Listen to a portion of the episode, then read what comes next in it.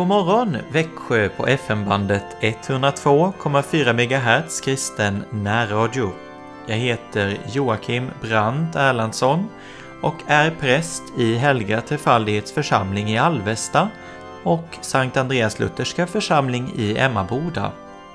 Vi lyssnar till Ej silver, ej guld.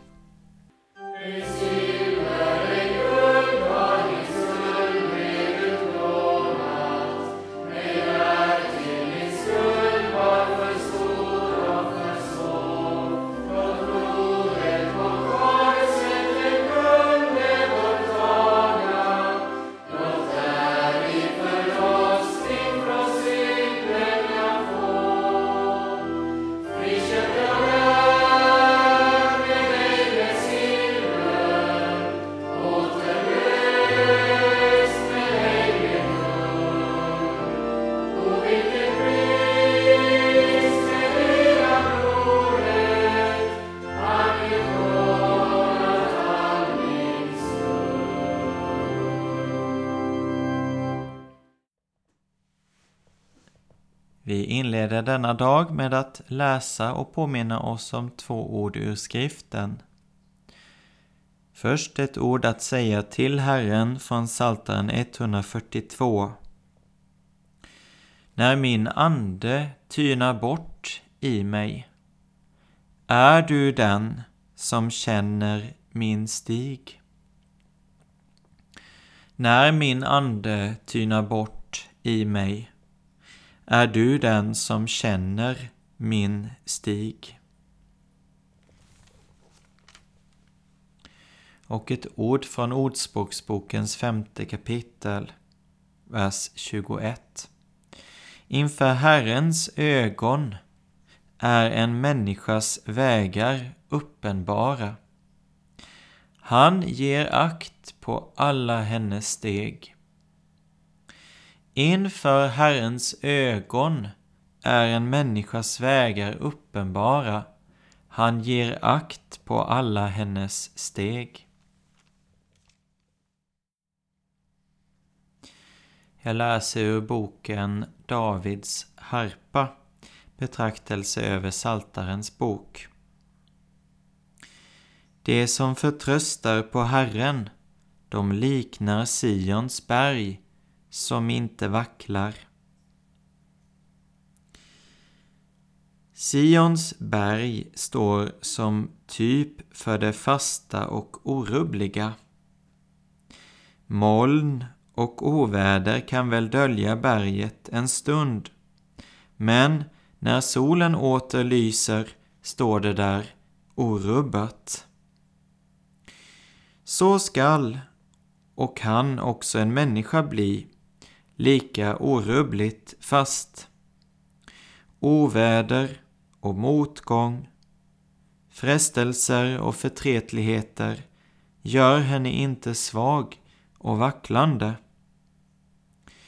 Det som gör en människa karaktärsfast och stark är en ovillkorlig tillit till Herren. De som förtröstar på Herren, de liknar Sions berg som inte vacklar. För Herren sviker aldrig den som tror på honom. Den som litar på Gud och räknar med honom får hans kraft under alla livets förhållanden. Otro och tvivel är svaghet. Tro är styrka. Det som förtröstar på Herren de liknar Sions berg som inte vacklar. Saltaren 125, vers 1.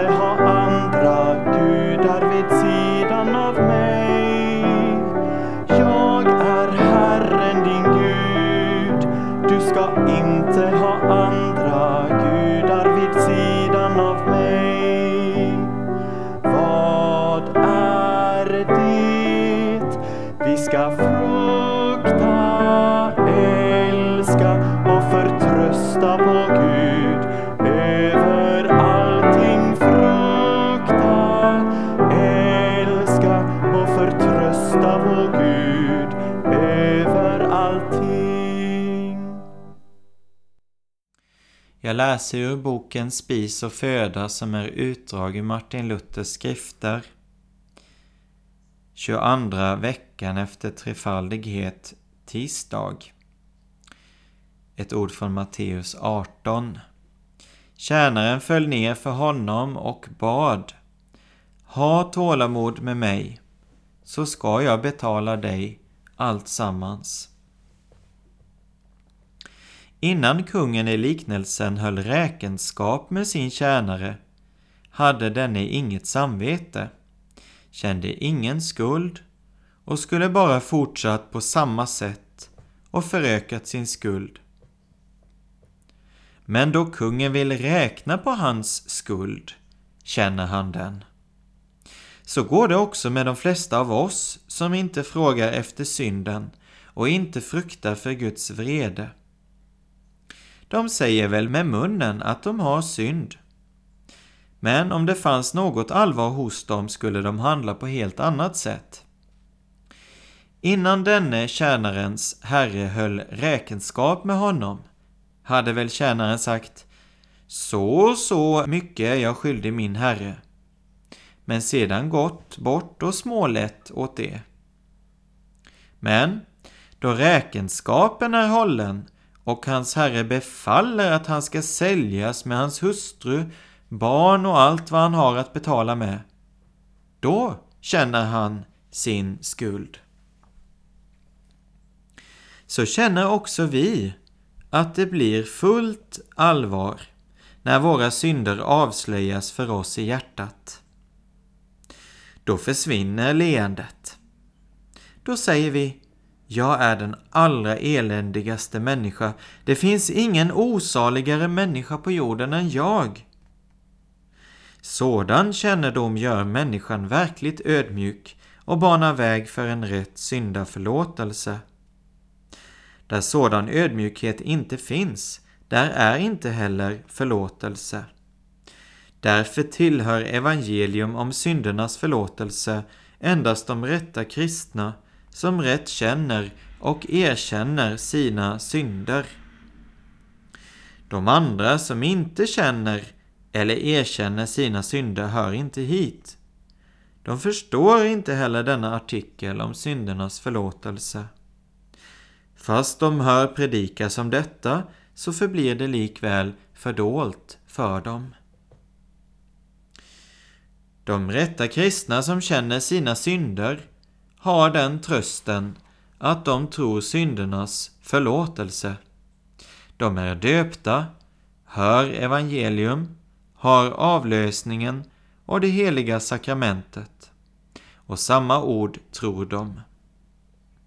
Gud har lagt skatten, nämligen syndernas förlåtelse, i sitt ord och sina sakrament och befallt att man skall tro det. Då kommer inte de rätta kristna inför Gud på samma sätt som denne ohederlige tjänare kom inför sin herre och sa Ha tålamod med mig så ska jag betala dig allt sammans. De gör inte heller sina synder små och ringa utan bekänner att de är verkligt stora synder och ber om förlåtelse. Då går det rätt till så att de får vad de tror, nämligen syndernas förlåtelse. Detta nådens och förlåtelsens rike har börjat med oss i dopet och fortfar till slutet. Evangeliets predikan, dopet, avlösningen och sakramentet är instiftade och inrättade för att vi mer och mer skall stärka vår tro på syndernas förlåtelse. Detta ska vi flitigt märka så att vi kan veta hur vi blir lösa från synderna. Det sker inte genom något annat medel eller sätt än det som står i tredje artikeln av vår kristliga trosbekännelse. Jag tror på syndernas förlåtelse. Det vill säga, jag känner och erkänner synden i sanning. Jag darrar och bävar för syndernas skull. Men hur blir jag lös från synderna? Jo, på det sättet att jag tror att ingen synd finns här, fast synden är närvarande. Och jag känner den. Synden är ju förlåten. Men är synden förlåten så är förlåtelsen inte förtjänt. Att förlåta heter inte att löna eller betala, utan att fritt av nåd skänka. En rätt tro är vad som fordras för att man ska komma till syndernas förlåtelse. Liksom vi i sanning måste känna och erkänna synden, så måste vi också tro syndaförlåtelsen i Guds ord.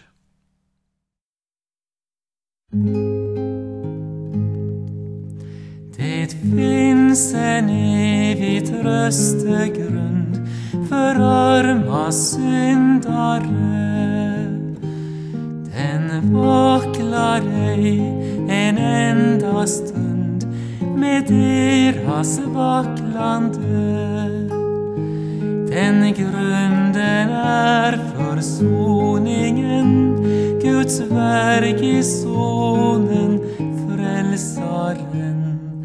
Gud vare tack nådens tron, Guds eviga förbund. Gud kallar varje syndare till barnaskap hos sig. Stor nåd och rik förlåtelse han bjuder dig och mig finns i din största syndanöd att du blev fri i Kristi död. Behåll enfaldigt denna tröst att du är återlöst. Jag ser att genom Kristi är Gud försonad nöjd. Tänk när jag vacklar vilket stöd det tröstar, skänker fröjd. Se Gud är nu min fader huld skall aldrig tänka på min skuld och han mig leder ända fram jag kommer ej på skam Jag läser ur Rosenius husandakt för den 14 november. Klä er därför som Guds utvalda, heliga och älskade i innerlig barmhärtighet, godhet, ödmjukhet, mildhet och tålamod. Se vilka dyrbara smycken som ska pryda Guds utkårade, heliga och älskade. Aposteln påminner först om de höga titlar som tillskrivs de troende. Han vill att vi ska vara ståndsmässigt klädda som det passar Guds utvalda, heliga och älskade. Han förmanar också i Efesebrevet 4. Nu uppmanar jag er att leva värdigt den kallelse ni har fått. Var alltid ödmjuka och milda. Var tålmodiga och överseende med varandra i kärlek. Lägg märke till leva värdigt den kallelse ni har fått. Det som lämpar sig för världens barn kan vara helt opassande för ett Guds barn. Det är brukligt i världen att man vill behålla sitt goda för sig själv, vara högfärdig och maktlysten. Att gå till rätta med en grälsjuk människa och att inte kunna tygla sin tunga. Ingen förvånar sig över det. men sådant passar inte ljusets barn. De bör gå en motsatt väg. Kungabarn ska inte vara klädda som barn till tiggare. Aposteln menar att de som är utvalda, heliga och älskade ska klä sig därefter. Klä er därför som Guds utvalda, heliga och älskade i innerlig barmhärtighet. Håll ute nu en liten stund Snart får du sabbatsro Ej faller blodets ankargrund med dig och med din beständigt, kära själ, hos Frälsaren, så gör du väl. Ha blott i honom all din tröst och följ och lyd hans röst.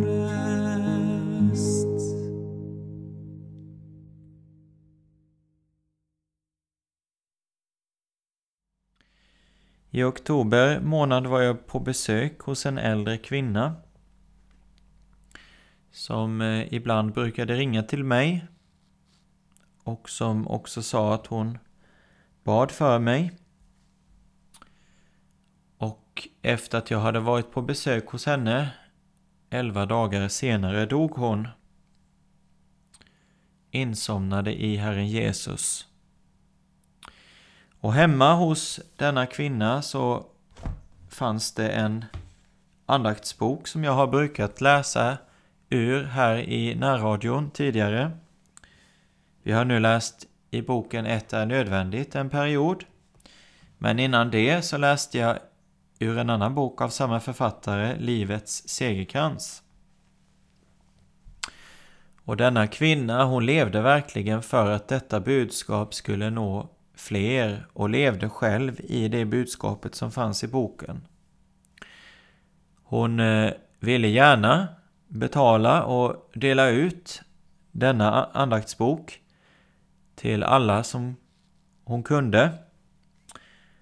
Och jag fick se hennes eget exemplar när jag var hemma hos henne, alltså 11 dagar innan hon dog. Och då när jag såg i den boken så såg jag att det var mycket understrykningar. Hon hade verkligen läst den många gånger och ville ta till sig budskapet i den. Sen stod det ofta en psalmvers skriven på någon sida. Och något mer som slog mig när jag öppnade den här andaktsboken som jag hade hört henne tala så mycket om. Det stod ofta, jag vet inte om det var varje dag till och med, men det stod Tack och så stod det två utropstecken. Och det blev för mig ett vittnesbörd om att leva i Guds ord. Tänk, här är en kvinna som, som har kunnat tacka för det som Gud har räckt henne i sitt ord. Och denna bok är ju särskilt koncentrerad kring Lammet, kring Jesus, den största gåvan Gud har gett. Gåvan inför evigheten att få ha sina synder förlåtna i kraft av hans blod. Och när jag var hemma hos henne så slog jag upp på den vecka där vi var. Eh, och då mötte mig detta bibelord. Nu väntar mig rättfärdighetens segerkrans och inte bara åt mig utan åt alla som älskar hans återkomst. Hur dyrbar är inte väntetiden när det är en älskad man väntar? Den älskade ska märka att han eller hon är välkommen. Hemmet har ordnats, inköpen är gjorda och man lyssnar uppmärksamt för att kunna säga välkommen så snart dörren öppnas. Du vet att Jesus kommer tillbaka. Han har gett dig en rad tecken på när det ska ske. Du kan inte vara i tvivel om att det nu inte dröjer så länge tills han kommer. Om någon ska märka att han är väntad och välkommen så är det Jesus. Det varken kan eller ska han tvivla på.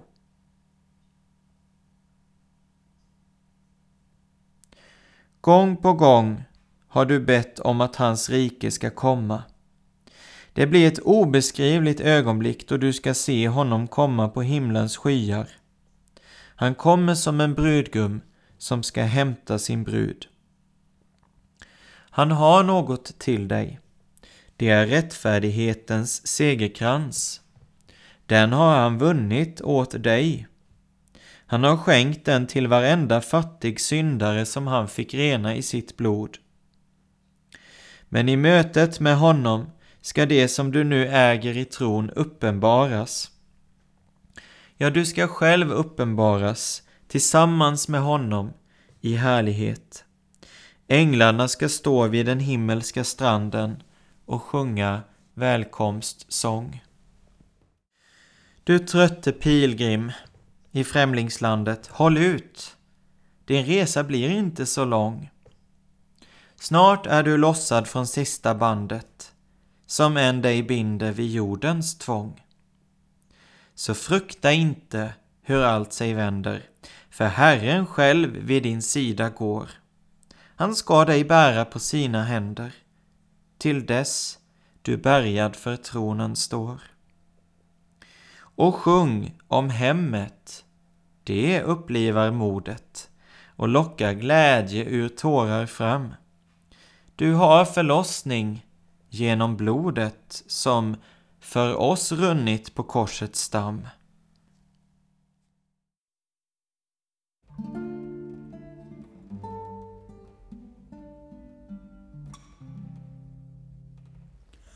Bliv blott i såren du frälsarens brud, så skall du hamna där hemma.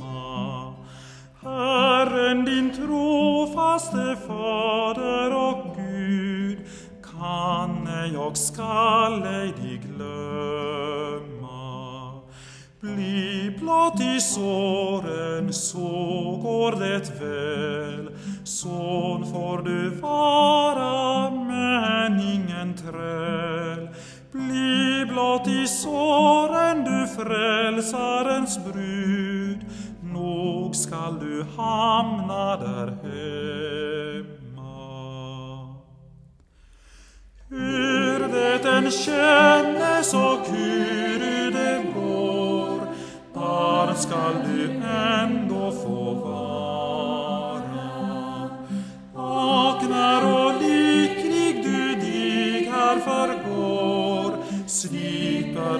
shall far this vara e venir mi ves marcas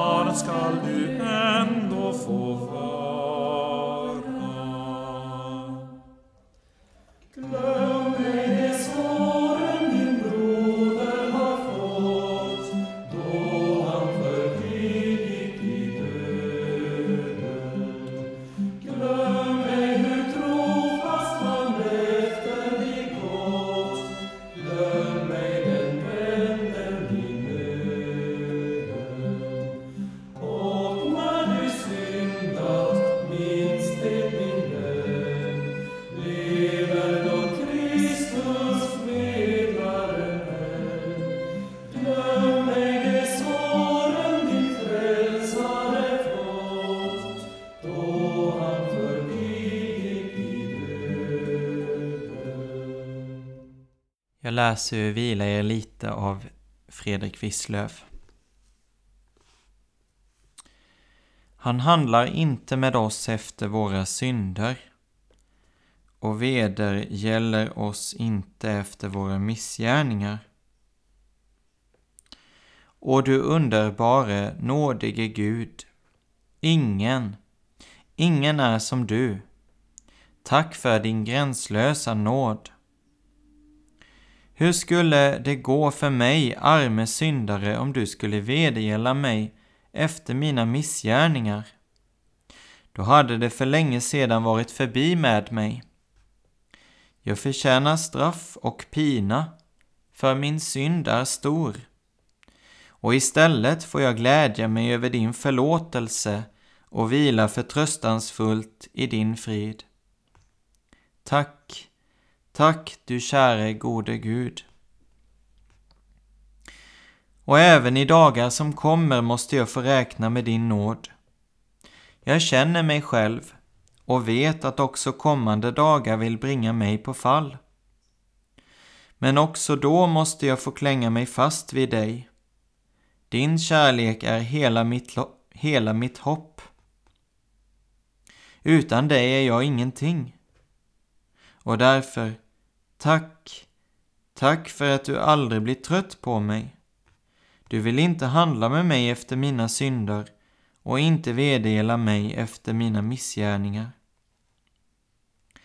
Vid nådastolen, där får jag vila, när trött min ande här känner sig.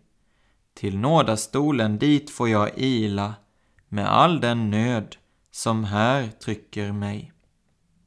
Han handlar inte med oss efter våra synder och vedergäller oss inte efter våra missgärningar. Fader vår som är i himmelen. Helgat var det ditt namn. Tillkommer ditt rike. Ske din vilja så som i himmelen så och på jorden. Vårt dagliga bröd ge oss idag och förlåt oss våra skulder så som också vi förlåter dem oss skyldiga är. Och inled oss inte i frestelse utan fräls oss ifrån ondo. Ty riket är ditt och makten och härligheten i evighet. Amen.